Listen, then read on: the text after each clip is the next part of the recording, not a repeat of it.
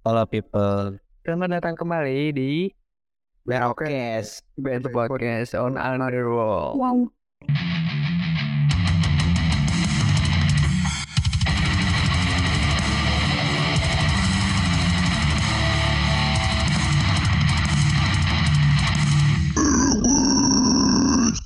Ya, akan membahas lagi cinta sih intinya. Berarti harus Ya, karena sebenarnya pembahasan cinta kali ini itu berdasarkan teori kita kali.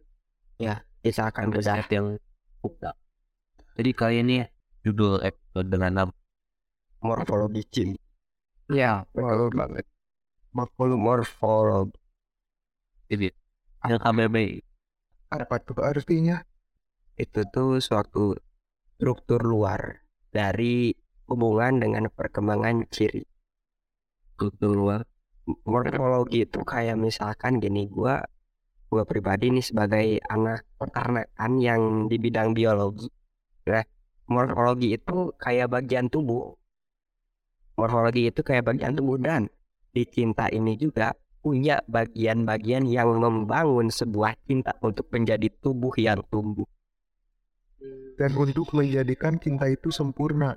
bagian tubuh yang tetap. Apa itu Etil?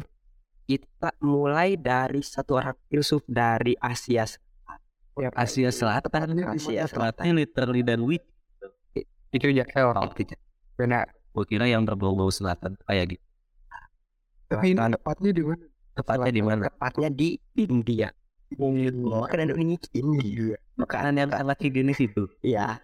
Wow. Wow. Tapi di sini kita bukan membahas soal makanan walaupun sama-sama sama-sama memacu kita dalam hidup. Makanan memberikan kita energi cinta memberikan kita harapan untuk tetap bertahan di kehidupan yang berat. Tapi nih, kalau makanan tuh asupannya untuk perut kita. Kalau cinta itu hati. Hmm, Benar banget. hati. Iya hati. Dengan hati capek gak sih di berat-berat karena ini obrolannya pun cukup berat jadi suara kita begini-begini kita mulai dari seorang filsuf yang bernama Swami Vivekananda Suaminya itu bukan coba, suami literally. Coba spell. suami tapi S W A M I. Oh, suami. Gimana katanya? katanya dia itu berteori dia itu berteori. Cinta itu terdiri dari tiga buah syarat. Apa aja? segitiga cinta. Cinta itu yang pertama tidak mengenal tawar menawar Setuju. cinta itu tidak mengenal tawar menawar dua. Yang kedua cinta tidak mengenal rasa takut. Dan yang terakhir cinta tidak mengenal persaingan. Tapi kalau yang gue tak dari tawar menawar, menawar itu, ya dia nggak mengekal. bisa. Kalau menurut gua tidak tawar menawar itu bukan perihal soal yang tadi bilang kita tidak mengekal, tapi justru karena perasaan yang tidak bisa ditoleransi. menurut gua tuh cinta tidak mengenal tawar menawar itu berarti tidak mengharap imbalan nah yang berarti dalam sebuah agenda tawar menawar ada barang yang ditawarkan. Nah dan di situ berarti ada hal yang harus dikembangkan atau hal yang harus diimbalkan nah yang namanya cinta itu tidak mengenal imbalan karena seperti yang Sujiwo Tejo bilang karena cinta itu tidak perlu pengorbanan ketika kau telah merasa berkorban atas nama cinta di situlah cinta memulai pudar Tapi sebenarnya balik lagi ya, effort sama report itu. Benar, benar. banget. itu lagi ke situ ya. Yang kedua. Cinta tidak mengenal rasa takut. Semua pasti relate dengan itu. Itu siapa dapat dapat jodoh siapa? Saya banyak sekali kan orang-orang membangkang orang-orang yang melawan orang-orang yang memilih berjuang untuk berjuang jadi buat apa harus takut lagi terobos aja kalau emang Karena sejatinya cinta itu menerobos. Ada juga orang-orang yang malah eh, dari tekanan adat itu sendiri untuk demi cintanya sendiri.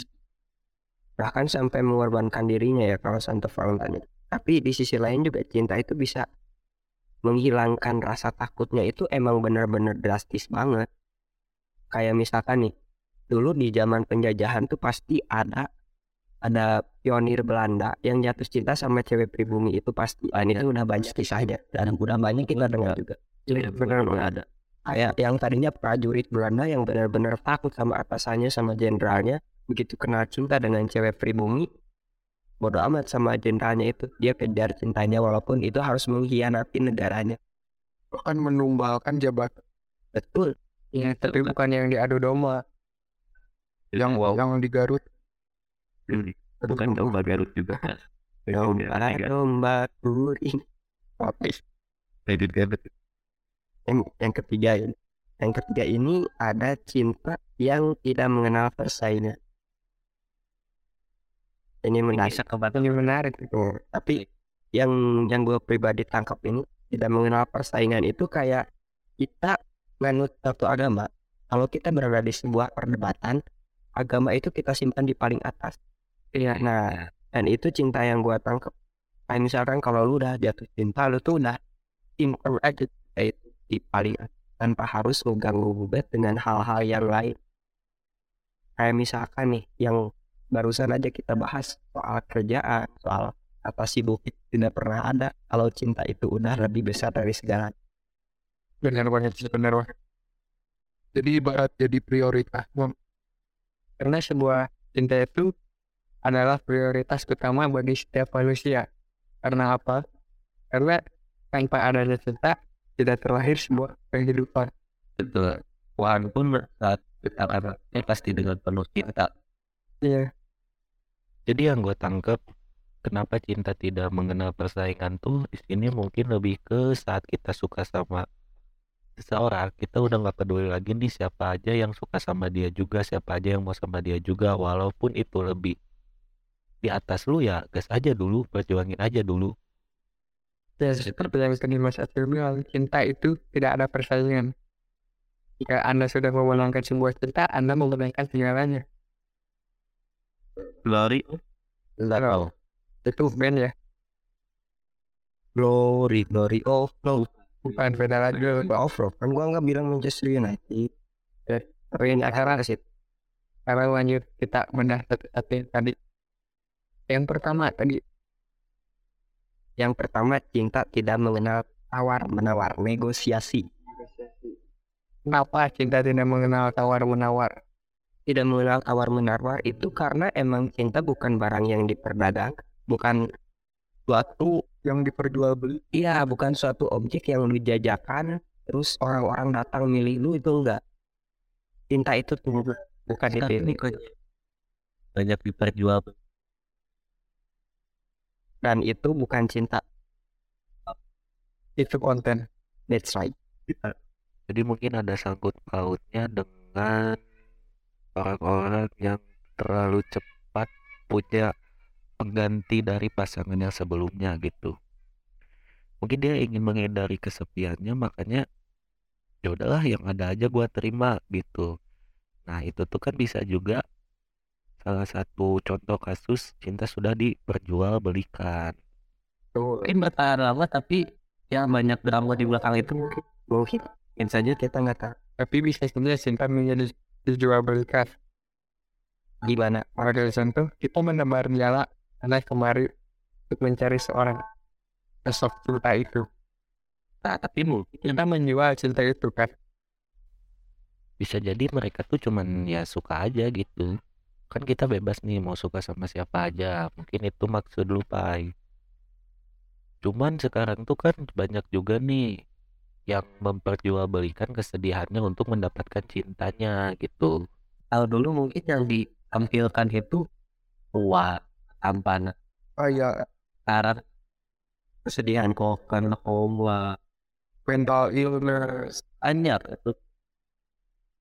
Hanya makin sering cinta diperjualbeli. Itu dan gua ada satu kalimat bagus yang menurut gua bagus yang gua ciptakan tahu kapan sebenarnya. Tapi harmonisasi itu tidak saling mengubah tidak ada negosiasi. Saat lu melakukan negosiasi dengan orang yang menurut lu itu cinta itu udah bukan lagi cinta saat lu berniat untuk mengubah orang lain itu udah bukan cinta yang murni. Tapi cuman gairah yang berkobar-kobar untuk mendapatkan gairah yang biasa. Oke, Andre, boleh, boleh. Ya kalau kita lanjut ke yang kedua. Kita lanjut teori kedua nih. Teori yang kedua itu kita tidak mengenal rasa takut. Oke, kalau kalau soal ini gua 100% setuju. It's Setuju. Kenapa Inta tidak mengenal rasa takut? Karena Inta itu sejatinya pengorbanan. nggak tahu Iya. apa yang Kita- korbankan Ketika kita sudah berkorban, kita akan cenderung apa ya memiliki rasa oke gua nggak mau kehilangan cinta ini. Gua akan melakukan apa pun untuk mempertahankan cinta ini. oh oh itu pengorbanan yang lu maksud ya Iya. kalau yang tadi gua jelasin pengorbanannya mungkin lebih ke terhidup rasa gua tuh udah masuk AB tadi Karena kalau udah cinta ya itu namanya cinta. Seperti yang tadi lu bilang. Itu hanya sekedar suka. dan waktu waktu lu merasa takut untuk jatuh cinta lagi itu itu lu belum belum menemukan cinta yang benar-benar pas buat hati lu. Aduh, tetap membuka hati. That's right. Atau juga bisa jadi dia lebih mencintai dirinya sendiri dulu. Karena mem- memperbaiki diri dan mencintai orang lain itu dua hal yang berbeda. Iya. Ketika kita belum siap untuk menerima orang lain, maka diri kita sendiri juga nggak akan siap untuk menerima diri kita. dan banyak juga kasus-kasusnya ya. Tiap orang putus sama pasangan dia terlalu sibuk mencari kesenangan dia terlalu sibuk yang lagi pasangannya terlepas kesalahannya itu apa gitu. Tapi dia tidak fokus untuk membenahi dirinya Sampai lupa untuk introspeksi. kan kita ada yang lihat ini kitanya ada yang salah gitu. Orang tidak ingin jadi Tapi jangan sampai kita kita jadi menjudge diri sendiri. sampai nyalain gua gua sering kaget Itu menurut gua introspeksi diri itu nggak perlu. apa pak Karena kalau kita menemukan orang yang tepat, kita nggak introspeksi dulu diri. oh karena eh, dia bisa menerima semua kita Iya. gitu kita nggak harus kompromi. catatan tapi kita harus ber- berusaha menutupi kekurangan kita Hmm. Tapi bukan berarti jadi fake nggak sih? Enggak. Kayak menutupi mungkin kekurangannya ditutupi dengan kelebihannya gitu. Tapi kan memang manusia harus mempertunjukkan kebolehan mereka kan. Iya. Harus like apa ya? Tampil lah. Mereka tuh harus tampil dengan apa yang kelebihan yang mereka punya, meminimalisir kekurangan mereka dengan cara ya dipendem aja gitu kekurangan mereka. Mungkin kekurangan itu bisa sedikit diperbaiki menjadi lebih baik. Nah, Jadi biar gak itu itu menurut anggapan kalian. Tapi menurut yang gue mau ingin sampaikan itu menutupi kekurangan itu berikan dengan kelebihan kita. Sehingga kekurangan kita nggak akan terlihat. Oke. Jadi yang tiga itu di statement terakhir berdasarkan pendapat dari suami Vivekananda itu cinta tidak mengenal persaingan. Tapi yang gua heran dari statement ini cinta itu emang harus bersaing di sisi lain untuk mendapatkan hadiah dari kompetisi itu. Atau mungkin kalau menurut gue ini malah nyambung ke yang ke jangan takut untuk ber ya contoh kasusnya saat kita sebagai laki-laki memulai duluan untuk berjuang gitu. Dan juga sebagai perempuan pun pasti akan memilih nih siapa nih yang perjuangannya sungguh-sungguh untuk dapetin gue. Ada selektif di sini. Iya, dia pengen lihat dulu. Jadi benar-benar ada dua cowok yang deketin gua nih. Ada nih yang lebih lebih tapi kalau untuk cowok tuh malah eh, persaingan itu malah membuat hatinya menjadi bergebu-gebu gitu. jadi makin semangat persaingannya emang lu juga gitu. Hasil tadi memang begitu pas dalam beberapa. Beberapa momen. Tapi kayak yang gua bilang di awal tadi soal cinta tidak perlu persaingan itu menurut si Vivekananda sendiri cinta itu emang ditetapkan di paling atas. Tapi menurut gua pribadi masih di bawah dari religion. ya Hmm, Nah urutannya itu religion, cinta, terus ya kehidupan kita yang lain-lain lah. Karena cinta itu harap. Oke, itu dari wah. Eh, filsuf suami Vivekananda dan di apa ya di satu momen gua tuh jadi kepo gitu segitiga cinta tuh ada apa aja sih? ada. Ada benar ya. Itu tuh the dark side. Dark side like light side. Kita emang menyorotnya itu dua sisi sebenarnya. Nah di yang kedua ini ada satu filsuf satu filsuf yang namanya Stenberg Mungkin ini dari barat. ya kalau ini filsuf dari barat mungkin si tapi Stenberg Mas Steinberg ini kayaknya identik dengan orang Belanda. kayaknya ya dan Belanda bukannya di atau barat. Jerman Jadi nggak? Jadi apa itu istri dari filsuf ini? Apa? dari Stenberg. Nah, Stenberg ini mungkin poin poin dari sebuah kesempurnaan cerita. Poin berada ya kan itu ya lagu dari Rizky Febian. Kalian juga bisa dengerin di. Nah, malah jadi promosi ya nggak apa-apa. Mungkin nanti Rizky Febiannya promosiin kita. Nah, dari Stenberg ini tuh eh, ngasih tiga tiga tiga badan dari cinta itu sendiri. Nah, kalau yang pertama tadi itu di Vivekananda itu cuman ngasih syarat. Nah, kalau ini tuh emang yang harus ada dari sebuah cinta yang sempurna dia kata dia. Dan segitiga ini tuh saling berhubungan. gitu. Jadi ayah segitiga berkesinambungan. That's why. Ada yang pertama itu yang namanya eh, keintiman. Ini valid berdasarkan Kamus Besar Bahasa Indonesia edisi kelima. Intim itu artinya akrab dan keintiman itu bisa diartikan sebagai keakraban. Cara gimana kita bercengkrama, cara gimana kita ngobrol, cara gimana kita berkomunikasi, itu yang namanya keintiman, bukan intim yang itu bukan. Nah di sini juga keintiman itu menurut Stenberg ini diartikan sebagai menyukai. Mungkin yang gua tangkap dari menyukai ini semakin lama kita bercengkrama, semakin lama kita ngobrol, semakin lama kita sharing tentang sesuatu, ada sebuah ketertarikan dari hal yang non visual tersebut. Jadi intinya keintiman ini adalah proses kita mendekatkan diri kita dengan dengan kita. Mungkin keintiman itu yang bisa dibilang PDKT menurut gua. Iya nggak? Iya, secara fase mungkin bisa dibilang PDKT. Tapi Eh. di dalam sebuah hubungan juga saat kita sudah berpacaran atau memiliki seorang pasangan, keintiman itu perlu. Lah dalam aslinya kedekatan kita. Bagaimana cara kita men-treat dia, bagaimana cara kita mengabari dia. Dengan adanya hal itu juga menandakan kita itu spesial atau istimewa. Yang kedua, Yang kedua ini gua bakal lanjut ke gairah. gairah. Gairah ini biasanya didapati oleh para muda-mudi yang menggebu-gebu dalam hal asmara yang memandang melalui fisik. Percaya nggak percaya gairah itu pasti hubungan eratnya dengan fisik, ketertarikan fisik. Ya, cara gimana lo berpakaian, cara gimana Bersikap. tampang lo, kalau salah ya itu tuh gairah kayak fetish. Itu bisa dijadiin ini.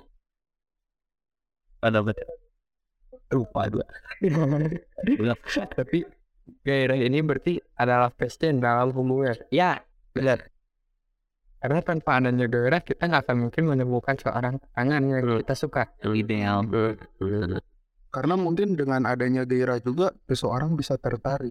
Ya, kayak misalkan lu nih di TV atau ada di suatu film lu tertarik sama seseorang karakter, nah itu yang namanya gairah dan cinta. Kalau cuman berdasarkan gairah itu hanya jadi cinta gila, Crazy loh. obsesi obsesi. Romeo. Nah, itu itu gairah cinta. iya Emang cinta itu perlu gairah, tapi kalau gairah ini terlalu menonjol jadinya bahaya banget gitu. dan gak bikin nyaman seorang yang dituju Karena Iya. agresif segala sesuatu yang berlebihan juga tidak baik. Betul. Terus yang ketiga, ini udah nggak asing sama lu, Komitmen. Pai adalah salah satu suhu kita dalam berkomitmen. King of Commitment dari Dari. Merokes. Betul. Jangan king lah, prince, Prince. prince of commitment si Ya. Pai. Karena dari kita berempat paling lama Iya Dan sih. kita akui Kita akui itu pasti valid fakta ah, dengan tahun bro dengan komitmen yang pastinya goyah dengan banyak ombak berceceran di mana-mana. menurut gua kalau cinta-cinta di umur dan tuh lewat dari situ udah oke loh. Udah cukup membentuk karakter diri kita sebagai orang gitu. Dan dan kita juga jadi bisa lebih tahu eh, sifat pasangan-pasangan kita kayak gimana, tingkahnya kayak gimana gitu kan. Dan menurut lu, Pak, komitmen dalam cinta itu apa? komitmen. Mau belajar kita ambil lurus dulu apa itu komitmen komitmen adalah sebuah perkataan yang kita utarakan untuk menjelaskan apa yang masih abstrak dulu dibilang seperti itu. Jadi kayak semacam keterikatan, terikat. atau lebih simpelnya kita bilang janji. Ah sebuah ikrar. Sumpah. Ya jadi komitmen ini tuh adalah sebuah sumpah kita terhadap diri kita dulu terhadap diri kita dulu. Jangan dulu ke orang tapi ke diri kita dulu untuk memastikan siapa orang yang akan menjadi rumah kita. Dan selanjutnya step selanjutnya untuk berkomitmen yang jadi bilang komitmen yang apa ya yang stabil yang utuh. Itu diperlukan output yang stabil juga. Seperti misalnya saat kita mencintai seseorang orang itu harus memberikan feedback yang sama. Dua arah. Dua arah. Bukan ini bukan berarti cinta itu harus pabrik Bukan, bukan. Ada cinta itu tidak saling negosiasi. iya. Dua arah lah itu. Seperti Fajar Boy pernah bilang. Tapi setidaknya saya punya perjuangan dihargai. tapi komitmen tidak se- seutuhnya. Komitmen itu harus fleksibel. Karena bukan diperbarui. Karena apa? Karena manusia dinamis. Tiap hari tiap detik tiap jam kan tiap mili detiknya pun manusia terus berkembang terus berubah mengalami hal baru. Ya komitmen yang lama tidak akan bekerja di hal yang baru. Misal contoh hobi kayak gini. Komitmen itu diawali dengan keintiman kedekatan. Enggak, itu hal yang kalau menurut si Steinberg ini hal yang berbeda dan nanti kita bahas. ya itu menurut Stanford tapi menurut pengalaman dan pemahaman gua awal mula sebuah komitmen dari kedekatan. Dari kedekatan itu berkembang lagi menjadi sebuah gairah. Gairah tidak ingin kehilangan. Jadi gairah gairah itu kalau tadi di teori yang timu anggapannya sebagai fisik dan yang lain-lain tapi gairah dalam sebuah komitmen itu gairah ingin terus memperjuangkan. Terus berjuang Ya. dia dan akhir katanya dengan komitmen. Tapi di, di akhirnya lagi komitmen itu berujung dengan selamanya. Ibarat anak tangga. Kita sudah melewati anak tangga satu, anak tangga dua, anak tangga tiga. Tapi kita nggak tahu sampai untuk berharap di lantai selanjutnya kita berapa menaiki berapa tangga. Terus begitu juga cinta. Justru menurut gue semakin berkembangnya seorang manusia, semakin banyak tangga yang dilalui. Jadi untuk mencapai puncaknya itu semakin lama proses. Tapi kalau dia tidak bisa menikmati sebuah proses, dia pasti bakal turun lagi. Memulai dari Ya. dari awal. Oh, dia bakal loncat melewati step-step tangga yang harusnya dia lewati dengan jarak. Lagi-lagi, dan kita juga naik atau loncat Nah, tapi kalau menurut gua untuk orang-orang yang privilege kayaknya pakai eskalator. wow lift juga Tapi di dalam situ nggak bisa. makanya mungkin privilege privilege untuk orang yang tampan gitu yang keren itu mereka memanfaatkan hal itu gitu mereka tidak menyukai proses makanya mungkin ada beberapa istilah seperti mokondo dan lain-lain lah tapi Mokono itu ternyata singkatan modal komitmen doang. oh ini bukan yang bukan dan Kita semua cowok kotor. ya komitmen itu jika cinta cuma didasari komitmen itu cuma jadi cinta yang kos. Komitmen tanpa keintiman tanpa gairah itu cuma jadi yang apa? Tapi itu menurut Steinberg. oh, morfologi. dan ini tuh masih banyak dan yang harus kita bahas tentang jika cinta cuma didasari keintiman dan gairah itu apa?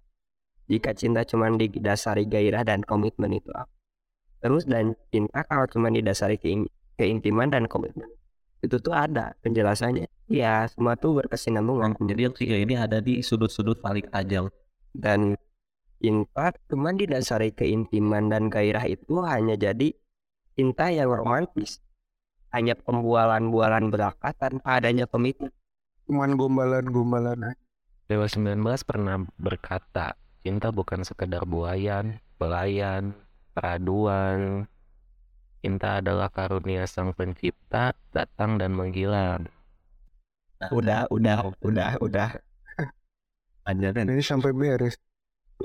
jadi sampai beres Ada lagi untuk teori selanjutnya Mas Ati. apa ada cuman kalau cinta didasari gairah dan komitmen itu cuma jadi cinta yang bodoh lu nyadar nggak cinta bodoh itu maksudnya gimana ambil duluan Aku di awal gairah itu terakhir dengan komitmen. Oh, Gua gua MLD. wow. Sorry ya ini tanpa tanpa merendahkan atau menjudge alami seperti hmm. is sesuai teori.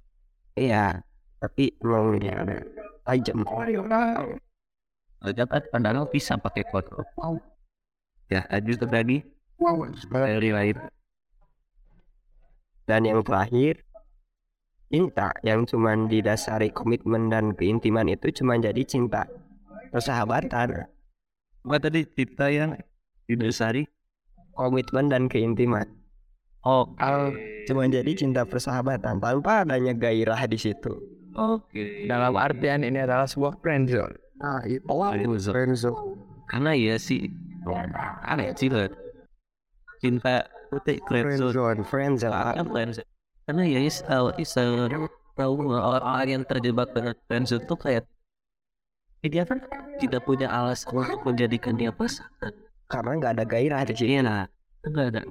Biasa aja gitu. Tapi itu sayangnya tuh ketika kita ingin mengungkapkan pada saat friendzone tuh kita bakal kehilangan dua hal teman dan Iya, juga cinta. Itu. Itu belum dia telepon at least itu. Orangnya nggak hilang. Soalnya orang-orang yang terjebak di friendzone tahu kejelekan pasangan. Pasti jadi tempat curhat ceweknya deh.